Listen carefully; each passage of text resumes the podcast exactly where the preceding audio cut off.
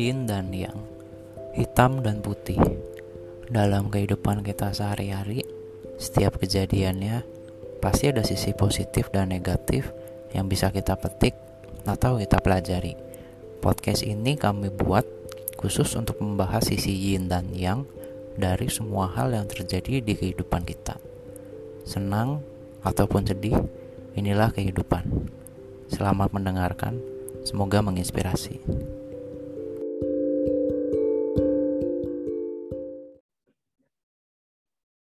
Oke guys, balik lagi ke podcast Yin dan Yang bersama gue Yuda. dan juga Nabila. Wah, ini Mas di episode berarti kita keberapa nih? Kesembilan ya? Iya. Wah, ini buat tema atau eh, ini topik minggu ini agak lumayan ya ini juga nih Mas agak lumayan berat nih. Karena buat topik minggu ini, guys atau teman-teman kita bakal ngangkat soal kekerasan seksual. Ini yang lagi booming ya Mas ya, kayaknya udah dua minggu ini ya. Aku dengar kekerasan seksual itu pertama kali di Twitter loh, Yud. Twitter. Twitter. Ah, gua nggak main Twitter jadi tahu. ya, bukan Itu kayak, kayak- kayak- kayaknya isinya sampah semua itu ya. oh, Twitter. lu nggak tahu. Katanya Nah, kan sosmed tersampah itu. iya. Jadi gini sih, eh, buat membahas soal eh, ini kekerasan seksual ini, Mas, kita juga udah kehadiran bintang tamu nih. Kebetulan ini memang rekan kerja kita juga di kantor. Nah, ini beliau ini gua denger-denger ya, rumornya beliau ini jadi masih kerja sambil kuliah. Kuliahnya di mana nanti kita tanya deh. Nah, katanya di tempat kuliahnya itu dia mungkin pernah atau mungkin lagi belajar soal yang namanya mungkin kekerasan seksual atau mungkin lebih ke arah feminisme gue juga belum tahu nih mas mungkin langsung kita undang aja kali ya Yuk. oke ini kita ada dengan Mas Hadi halo Mas Halo Mas Halo, Yuda apa Mas Mas? Nabil. Pada sehat kan? Oh, Sehat, oh. Alhamdulillah. Alhamdulillah. Eh, Mas Hadi sekarang di rumah ya Mas ya lagi Iya banyak di rumah. oke Kalau nggak di rumah kita nggak online nih ketemunya. Iya, benar juga. Oke, eh, Mas Hadi nih, em, ini kan kita mau bahas tentang kekerasan seksual nih, Mas. Nah, tadi sesuai opening yang tadi aku bilang di depan, it- itu benar nggak ya, Mas ya? Kalau aku dengar nih, Mas Mas Hadi ini umurnya lagi kerja sambil kuliah ya, Mas ya? Uh-uh. Sebetulnya lebih ke sebagai title intern, tapi ya technically kerja. Tapi sambil kuliah Oh, juga gitu. semester akhir di ilmu komunikasi Universitas Indonesia. Wih. Wah, UI, Lagi Mas. bikin skripsi ya, berarti ya. Uh, kebetulan aku nggak ada jalur skripsi sih, maksudnya memang ada jalur skripsi, tapi aku nggak ngambil jalur skripsi. Gitu. Oh, Emang emang bisa ya kalau nggak jalur Jalur skripsi? apa? TO. Anjir. Jalur- jalur eh, jurnal jadi kayak bikin jurnal review terkait topik yang dipilih nanti dibimbing sama dosennya sekali abis itu udah tinggal submit aja kayak gitu Mirip skripsi dong itu mah. Bedanya jurnal apa? review kalau skripsi kan nggak ada yang penelitian ya kalau Hmm. ini nggak perlu jadi kayak karya Oh. literatur ilmiah dari siapa nanti di review aja Oh, jadi macam kayak cuman skripsi tapi cuman eh, ini bab duanya doang kali ya Mas ya. Kalau Iya, bab kayak kan gitu. isinya kan landasan teori doang tuh ngambil dari teorinya siapa, teorinya siapa terus dibahas di situ. Oh, berarti itunya doang ya. Iya semacam itu sih Oh, gue baru tahu ada yang begitu nih Mas. Menarik sih. Beneran sumpah gue baru tahu. Ini cuman ada di UI ya, Pak? kayaknya sih mana di UI yang lain pada skripsi sama Wih, Iya. gila luar biasa. Mungkin jadi referensi anak kita nih, Yud, kalau mau kuliah. Ah, ngomongin anak lagi masih jauh kan.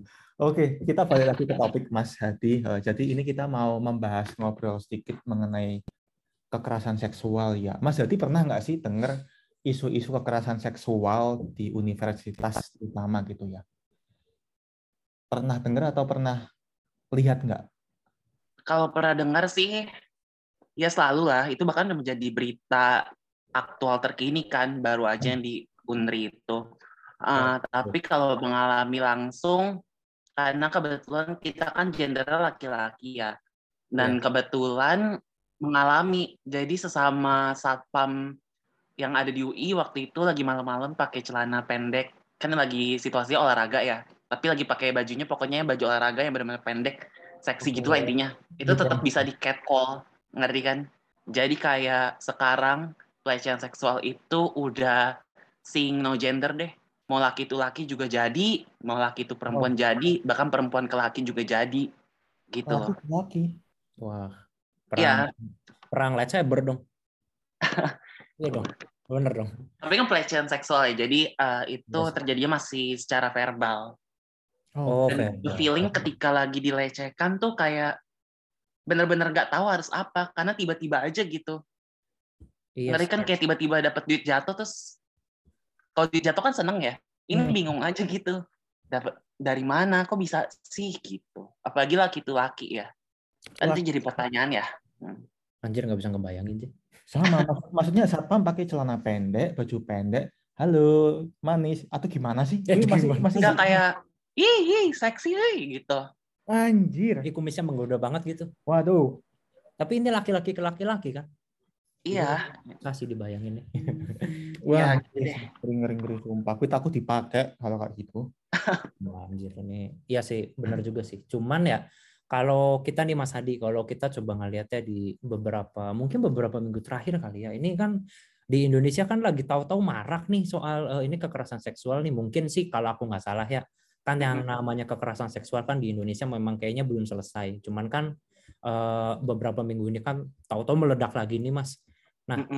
Tapi kan kalau yang ini kan lebih ke arah perempuan ya. Maksudnya laki-laki ke perempuan nih yang yang normalnya terjadi nih. Mayoritas. Ya, nah kalau Mas Adi sendiri ini ngelihatnya gimana? Maksudnya gini loh Mas, apakah bisa 100% disalahkan laki-lakinya kayak ya maaf maaf nih ya kayak yang ya lu kalau mau itu ya lu harus bisa jaga kontol lu dong misalnya gitu.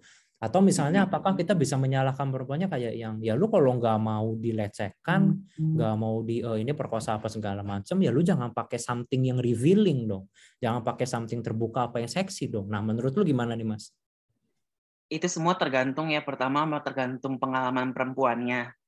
Oke. Eh, banyak juga kok kayak kasus misalkan udah pakai baju tertutup tapi tetap aja dilecehkan Hmm. gitu. Hmm. Eh, pikiran seorang manusia tuh sangat variatif. Em, sevariatif itu sampai kita nggak bisa nebak ya dia datang dari mana tiba-tiba sange aja kayak Iya. gitu bahkan sama perempuan berjilbab yang syari'i gitu loh ada aja gitu kalau seandainya kan misalkan ya beda-beda ya, Mas ya? Mm-mm, jadi motifnya tuh memang beda-beda dan jadi kita perlu cari tahu dulu juga motifnya itu kenapa bisa sampai melakukan itu. Itu yang pertama. Dan Oke. kedua ketika harus ngeblame siapa sebetulnya otak yang brengsek kayak ini yang itu harus disalahkan. Dan misalkan gini loh apabila sadly ya kalau ngomong perempuan kenapa pakai baju yang gitu? Kalau intentionally pakai baju yang seksi untuk menggoda laki-laki ya boleh. Mungkin Oh, ada beberapa porsi persenan yang harus disalahkan ke perempuannya. Oke. tapi kan in some cases nggak begitu, malah laki-lakinya sendiri yang tiba-tiba motifnya nggak jelas ya udah tiba-tiba catcall aja gitu pelecehan secara verbal. Gitu. Dan kadang kayak perempuannya ini yang mostly nggak speak up. Kayak Ya, gitu atau nggak berani melawan. Karena balik lagi kan di Indonesia tuh masih memandang kalau laki-laki tuh physically stronger than women ya ya, ya, gitu. betul. jadi mungkin eh, mindset perempuan tuh takut karena dia posisinya sendiri apalagi kalau di catcall-nya ramean satu geng laki-laki kan jadinya jatuhnya lari atau kayak gimana gitu. Ya jadi yang kalau disalahkan itu sebenarnya aku harus ngomong ke eh, laki-lakinya dulu karena kenapa harus melakukan itu gitu. Kadang kan perempuan juga posisinya tuh ya mungkin ada suatu motif yang self expression aja ya gue suka pakai baju terbuka. Toh kan Indonesia panas gitu. Hmm. ya jaga aja jaga mata gitu loh. Apalagi kalau lagi di Bali gitu. Waduh catcalling Aduh. empat kali loh. Iya, Iya kan? Betul, betul, betul. begitu. Menurutku sih itu. Jadi yang kalau disalahkan tuh nggak sepenuhnya perempuan juga bat kalau perempuannya intentionally mau nge-show up untuk ngegoda laki-laki ya baru Oke, menarik sih ini. Mungkin yang aku bisa simpulkan itu ketika gimana sih kita bisa mengontrol perbuatan kita ya. Mungkin kalau kita mau sange, nafsu, atau orangnya sangean ya ya nggak masalah. Itu kan pikiran. Tapi ketika pikiran itu nantinya akan disalurkan lewat apa? Nah, mungkin lewat dia. verbal atau tindakan itu mungkin yang bisa dikategorikan akan Ya. muncul kekerasan seksual kali Mas ya. Iya, dan sadly kan eh, di Indonesia ini sejak zaman dulu terkait pelecehan seksual secara verbal itu kayaknya nggak apa-apa gitu sampai akhirnya itu menjadi suatu masalah kan. Untungnya secara manusiawi pola pikir kita kan berkembang ya. Jadinya lebih ke arah manusiawi kita tahu fenomena mana yang sebenarnya ini salah secara struktural, secara sosial dan struktural gitu. Iya betul. Uh, jadinya ya ini sebenarnya harus di dari sekarang ya harus dibawa ke privacy, eh, ke surface lalu ke dibawa ke permukaan. Karena kalau uh, masih dianggap kayak dinormalisasikan kayak ya cuman di catcalling doang, apalagi perempuan ke perempuan ngomong kayak gitu. Nah itu jadi suatu masalah sih, karena nggak semua oke okay dengan itu. Gitu. Ya, setuju sih. Bener juga sih, soalnya gini ya uh, mungkin benar juga kayak yang tadi Mas Hadi dan sambil ngomong bahwa kalau yang namanya misalnya contoh deh gua nih atau atau enggak kita deh kan kita bertiga kan kebetulan kan ini laki-laki semua nih. Nah, misalnya kita lagi jalan, apalagi di mana, lagi di tempat umum, terus kita ngelihat cewek cantik pakai baju seksi nih, pakai baju yang kutang, terus pakai hot pants yang bener-bener di atas lutut banget. Kalau kita ngelihat itu terus kita nafsu wajar dong. Juga kita laki-laki ngelihat perempuan begitu kan. Tapi kalau misalnya habis kita nafsu ngelihat yang begitu, habis itu apa eh, selanjutnya tindakan kita itu yang bisa jadi salah apa benar. Misalnya kita habis ngelihat dia terus nafsu, terus dia terus dianya kita culik, terus kita bawa ke rumah, terus kita perkosa, ya itu salah. Tapi kalau misalnya kita cuma ngeliat itu, terus kita cuma bilang, wah gila nih, e, cewek e, ini semok banget, terus habis itu udah, ya kan berarti kan nggak masalah ya mas ya? kalau ngomongnya ke internally maksudnya ke dalam diri sendiri ya iya, iya betul atau mungkin ke koleganya tapi nggak sampai nge call ya nggak apa-apa sih sebenarnya itu kan hak ya iya. tapi kan uh, jangan sampai kan. aja gitu loh dari dari ke kolega itu misalkan ngomong ke sesama kolega tuh cakep tuh itu malah membangun kecenderungan atau kayak apa sih posibilitas untuk oh, iya. uh, temennya yang nge call gitu loh ini yang brengsek nih Uh, ya, jadi ya jangan sampai salah orang juga kalau mau kayak kayak gitu. But, uh, ya lebih baiknya ke diri sendiri aja sih ya kalau orang seksi ya udah gitu. Ya. Ya udah seksi gitu. Ya mau gimana lagi gitu. Lagi emang bakal kenalan kan enggak. Iya sih. Tapi pelecehan seksual itu enggak terjadi uh, untuk ke cewek juga sih. Kadang cewek juga pernah melakukan pelecehan seksual loh atau bahkan kekerasan seksual ke cowok itu ada nggak sih di dunia kampus mahasiswa kayak gitu? So far kalau yang di kampus itu yang biasanya naik ke permukaan itu sih yang laki-laki ke perempuan ya. Tapi kalau yang untuk perempuan ke laki-laki itu emang kasusnya tuh jarang banget. Dan biasanya kalau ada perempuan yang melakukan pelecehan seksual ke laki-laki, itu berarti dia tuh sikapnya patriarkis. Dalam arti ya dia sikapnya tuh ingin mirip kayak laki-laki mau mengkomunikasikan kalau dia tuh punya kekuasaan yang hmm. sama seperti laki-laki hmm. kayak gitu. Itu secara akademisnya kayak gitu. Sifat mendominasi ya untuk memuaskan hasrat aku tuh lebih loh daripada kamu. Cuman pengungkapannya itu dengan kategori kekerasan seksual meskipun memang aku nggak mau merkosa kamu tapi untuk mengintimidasi bahwa aku tuh lebih mendominasi gitu sebagai iya. predator ya. gitu ya. Kadang nggak mau mengintimidasi juga, tapi cuma ingin mengkomunikasikan kalau gue punya kuasa lebih, plus gue bisa ngontrol lo. Oh. Tapi mungkin dengan caranya salah sih ya. Kan maksudnya kalau untuk kayak bully dong ya. Bisa jadi. Karena kan predator seksual tuh bisa ngebully kan.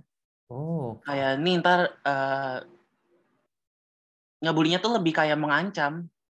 Oh iya. Misalkan kayak yang uh, kasus sekarang dosen Hunri hmm. itu kan dia mengancamnya karena itu dia jadi dosen pembimbing. Betul, iya, betul. Nah, kalau itu kan kondisinya korban tuh rentan ya. Kalau seandainya kan skripsi gue nggak dibimbing gimana? Betul. Dan beberapa cara teknis di kampus itu nggak bisa ganti dosen pembimbing. Nah, iya. kalau kasusnya kayak gitu kayak gimana? Ya, Jadinya udah deh terima-terima, dipegang-pegang kayak gimana. Dan takut speak up karena ya itu tadi skripsinya ngancam ntar gue nggak lulus lulus gitu tapi akhirnya uh, speak up juga ini jadi panjang nih sebenarnya uh, tadi kan Mas Yuda ya bilang kalau yeah. Twitter itu medsos yang sampah menurut saya itu malah Twitter itu menjadi medsos yang sekarang ini cukup politis karena semua speak up di situ ngeri yeah. gak itu semua uh, uh, Twitter tuh menjadi salah satu wadah bagi kaum marginal untuk speak up secara politis plus menjadi ruang mereka ekspresi diri secara anonim. itu konteksnya jadi jauh lah ya. Anonim Tapi atau akun intinya- alter kali ya? Akun alter. ya semacam altar bahkan mereka Iya, iya. uh, mengkomunikasikan kalau mereka tuh ver- uh, secara verbally atau physically di abuse secara seksual pakai akun alter kan Iya. masih nggak berani pakai akun pribadi kan akun sebenarnya kayak gitu tapi diceritakannya secara apa namanya eksplisit dari gue kampus mana dosen siapa yang ngelakuin oh ternyata dia kan fisik gitu-gitu tapi korbannya nggak dikasih tahu kan siapa Iya sih. kayak gitu jadi itu sebenarnya ruang Twitter tuh ruang yang bagus tapi kembali lagi penggunaannya lah ya Nah, itu. kita menggunakannya Salah. Ya kita semua punya another set dan bahkan another set itulah yang kita tuangkan ke platform Twitter sih, Yud. Aku rasa ya. Iya, yang gua lihat sih gitu ya. Hmm. Nah. jadi tergantung cara penggunaannya sebenarnya. Nah, em, sebenarnya gini Mas, Eh, Mas Hadi dan juga mungkin Mas Nabil ya.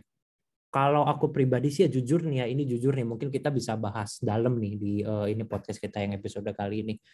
Gua pribadi dari jangankan dari kasus yang marak kembali marak lah ya bahasanya di Indonesia ini beberapa minggu yang lalu. Gua dari awal ketika tahu ada yang namanya macam kayak eh, ini kekerasan seksual lah atau eh, ini pemerkosaan lah, pedofil apa segala macam ya. Menurut gua sih salah satu penyebabnya adalah itu karena di Indonesia ini Mas Hadi dan juga Mas Nabil itu belum melek sama yang namanya legalisasi prostitusi. Sekarang kita coba bahas gini aja ya. Ini sebelum kita bahas lebih dalam nih. Karena ini kan amat sangat masih kayaknya masih sensitif ya kalau di Iya, ya. Indonesia. Aku sensitif loh, Yud. Nah ya makanya, ini. nah makanya kita coba bahas sekarang by logika dulu. Kenapa by logika gue bilang? Karena kalau bisa sih kalau bisa kita ngebahas beginian jangan by agama dulu. Oke. Percaya sama gue, kalau ngebahas begini by agama, lu nggak akan nemu ujungnya. Secara sosial teh ini. Secara sosial, secara Disclaimer. secara logika dulu ya Mas Ya. Hadi ya. Nih, coba kita bayangkan. Kenapa tadi gue bilang legalisasi prostitusi sekarang gini. Kalau kita bicara eh, kasus yang lagi marak di Indonesia beberapa minggu ini, itu kan lebih banyak terjadinya kan di kampus atau di universitas, yaitu dosen yang laki-laki ke mahasiswinya. Mm-mm. Sekarang dosen, coba deh dari Mas Hadi, Mas Nabil, sama gua nih yang udah pernah punya pengalaman kuliah semua. Coba deh Hmm. dari dosen kita yang laki-laki, rata-rata umurnya berapa sih?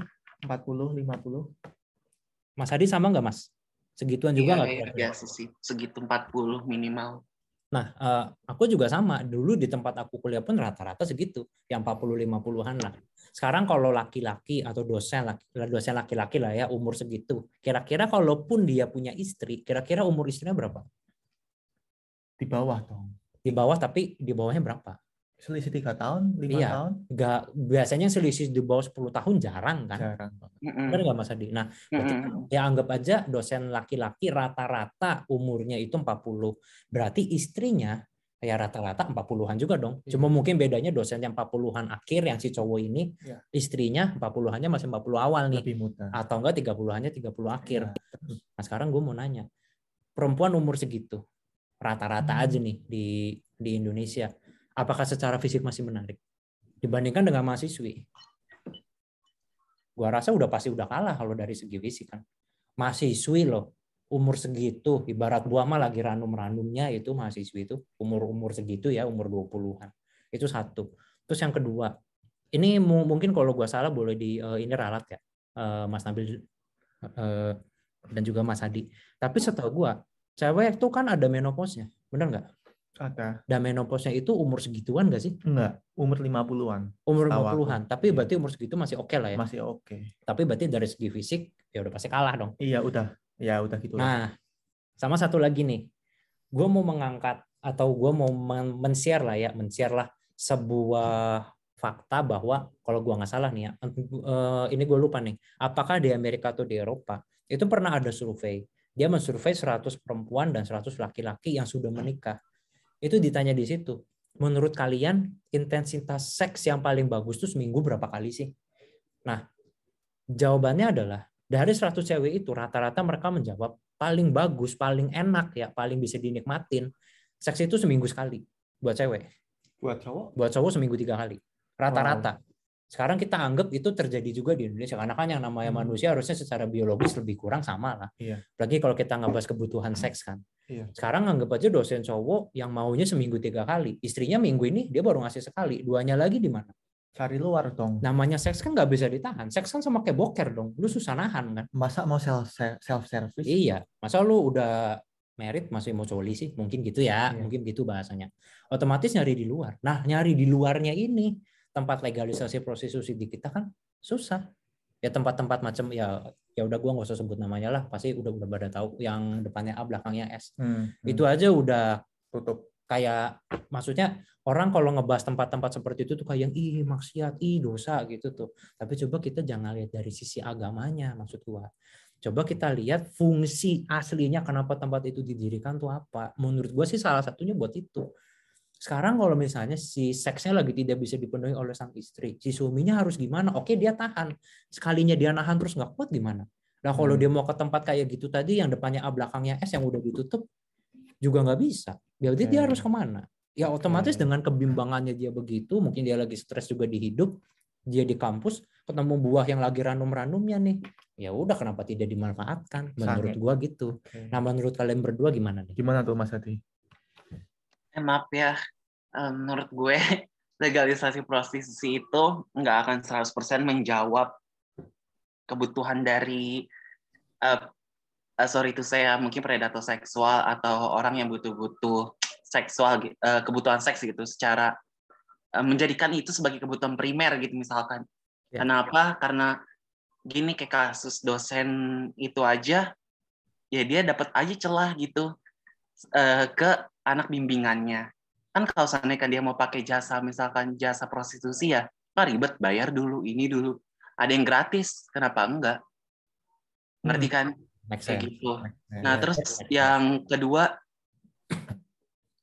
itu eh, layanan prostitusi itu nggak menjawab karena malah eh, makin melegalisasikan bahwa ya seks bebas tuh benar gitu. Padahal yang di yang sekarang ya RUU PKS berusaha tekankan itu adalah bahwa seks bebas itu tuh sebenarnya malah apa ya kayak makin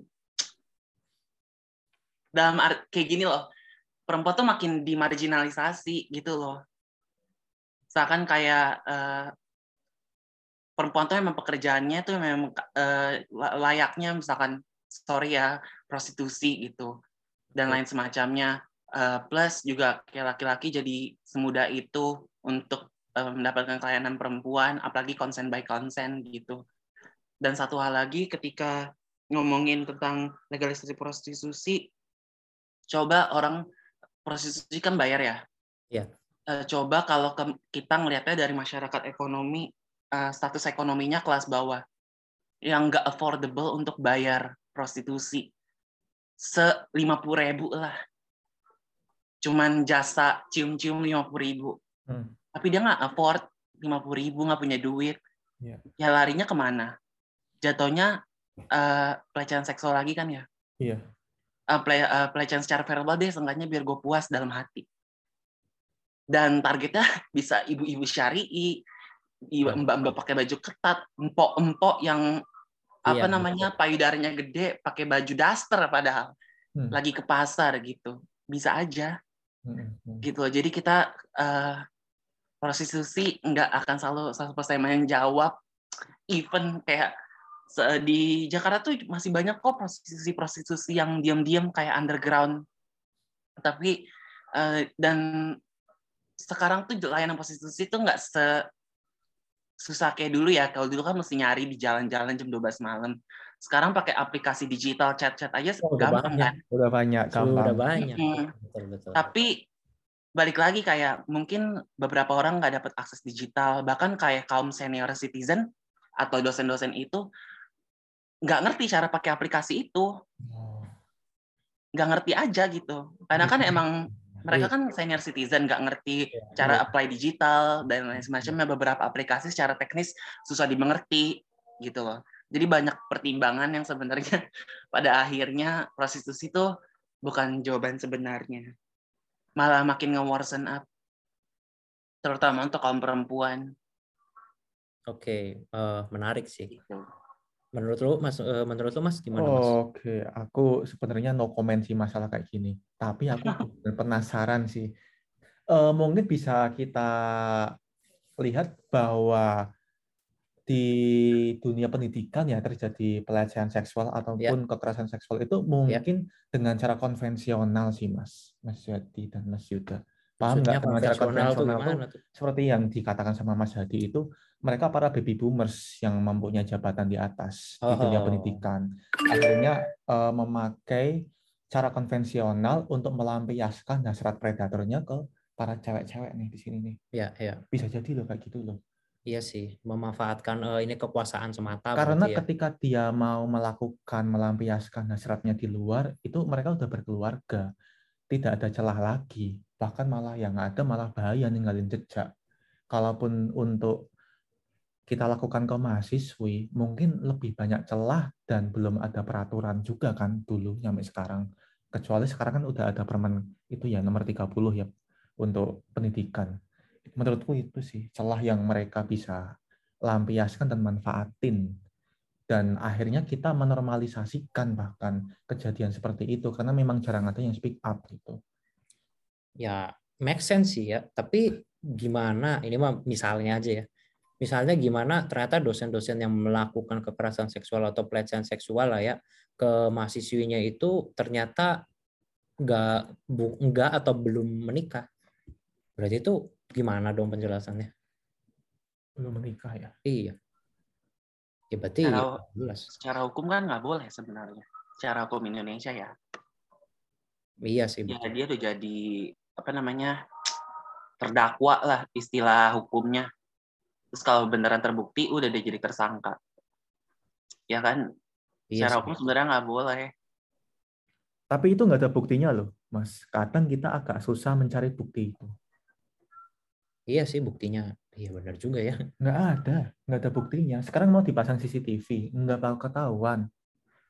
Yang jadi bukti kuat tuh kita berani speak up, dan teman-teman hanya mau mendukung dan mengiyakan aja sekarang. Itu susah loh di situ. Ya speak up tanpa bukti yang konkret kan juga Susah. malah jatuhnya fitnah atau Nah itu dia. Itu yang iyalah bikin harus ada buktinya. bikin jadi fondasi para predator untuk lebih memanfaatkan kewenangannya untuk melakukan hal seperti itu. Itu karena yang bikin aku bingung.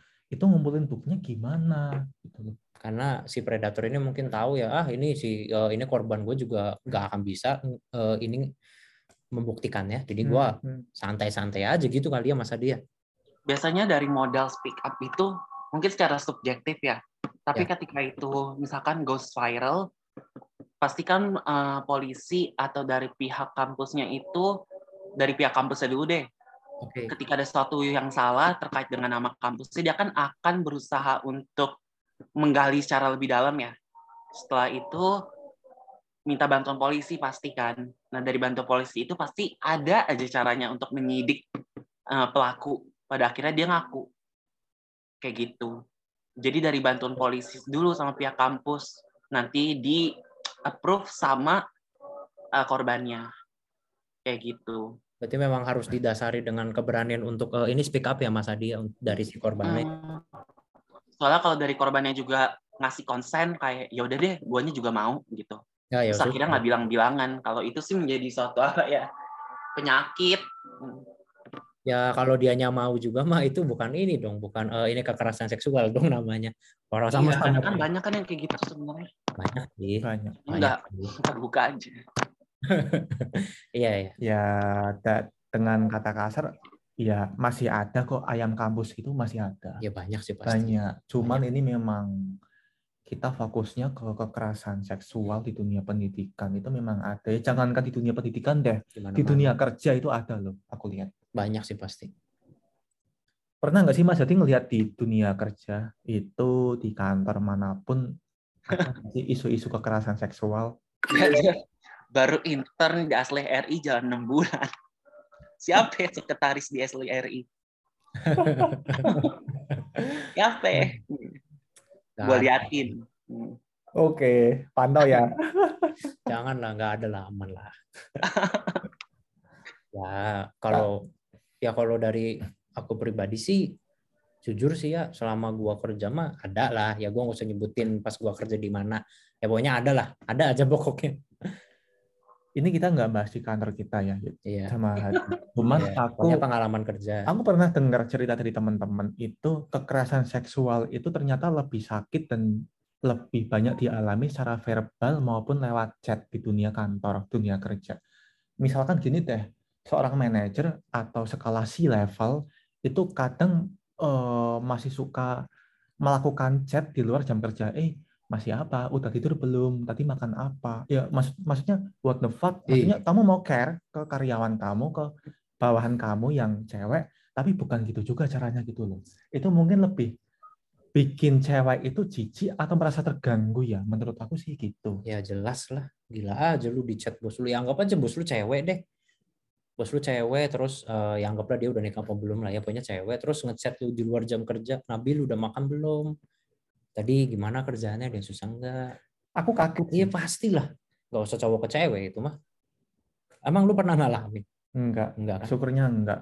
Me- Meskipun ngalamin, misalkan gue, misalkan ya aku seorang predator misalkan nih, Ya. seorang yang suka sange itu, gue dicat kayak gitu malah jijik loh, Yud. ya iya makanya Mas Adi pernah nggak mas ngalamin kayak gitu mas atau balik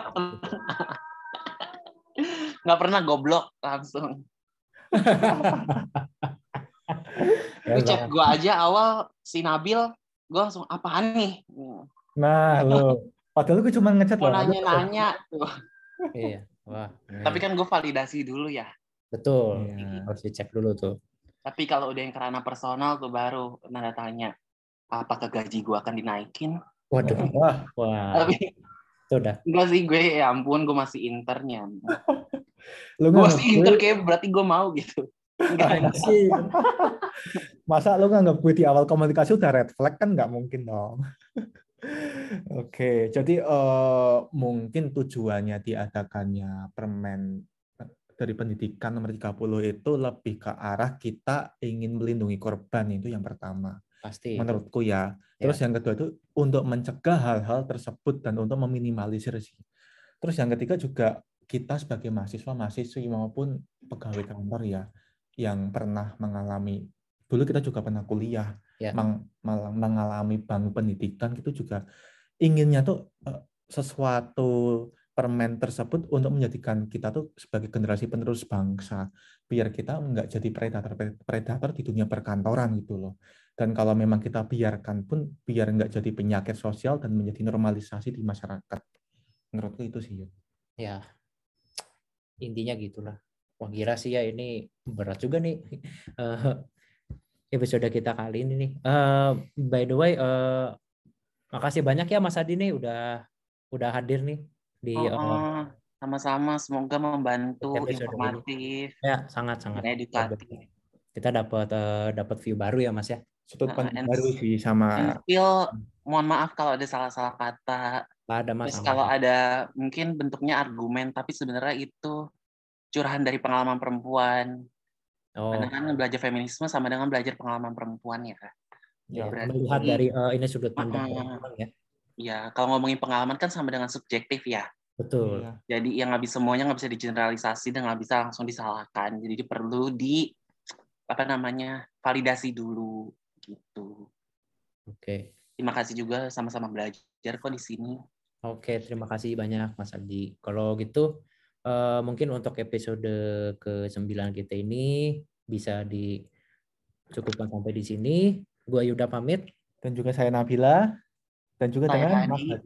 Oke. pamit Oke, terima kasih guys. Bye. bye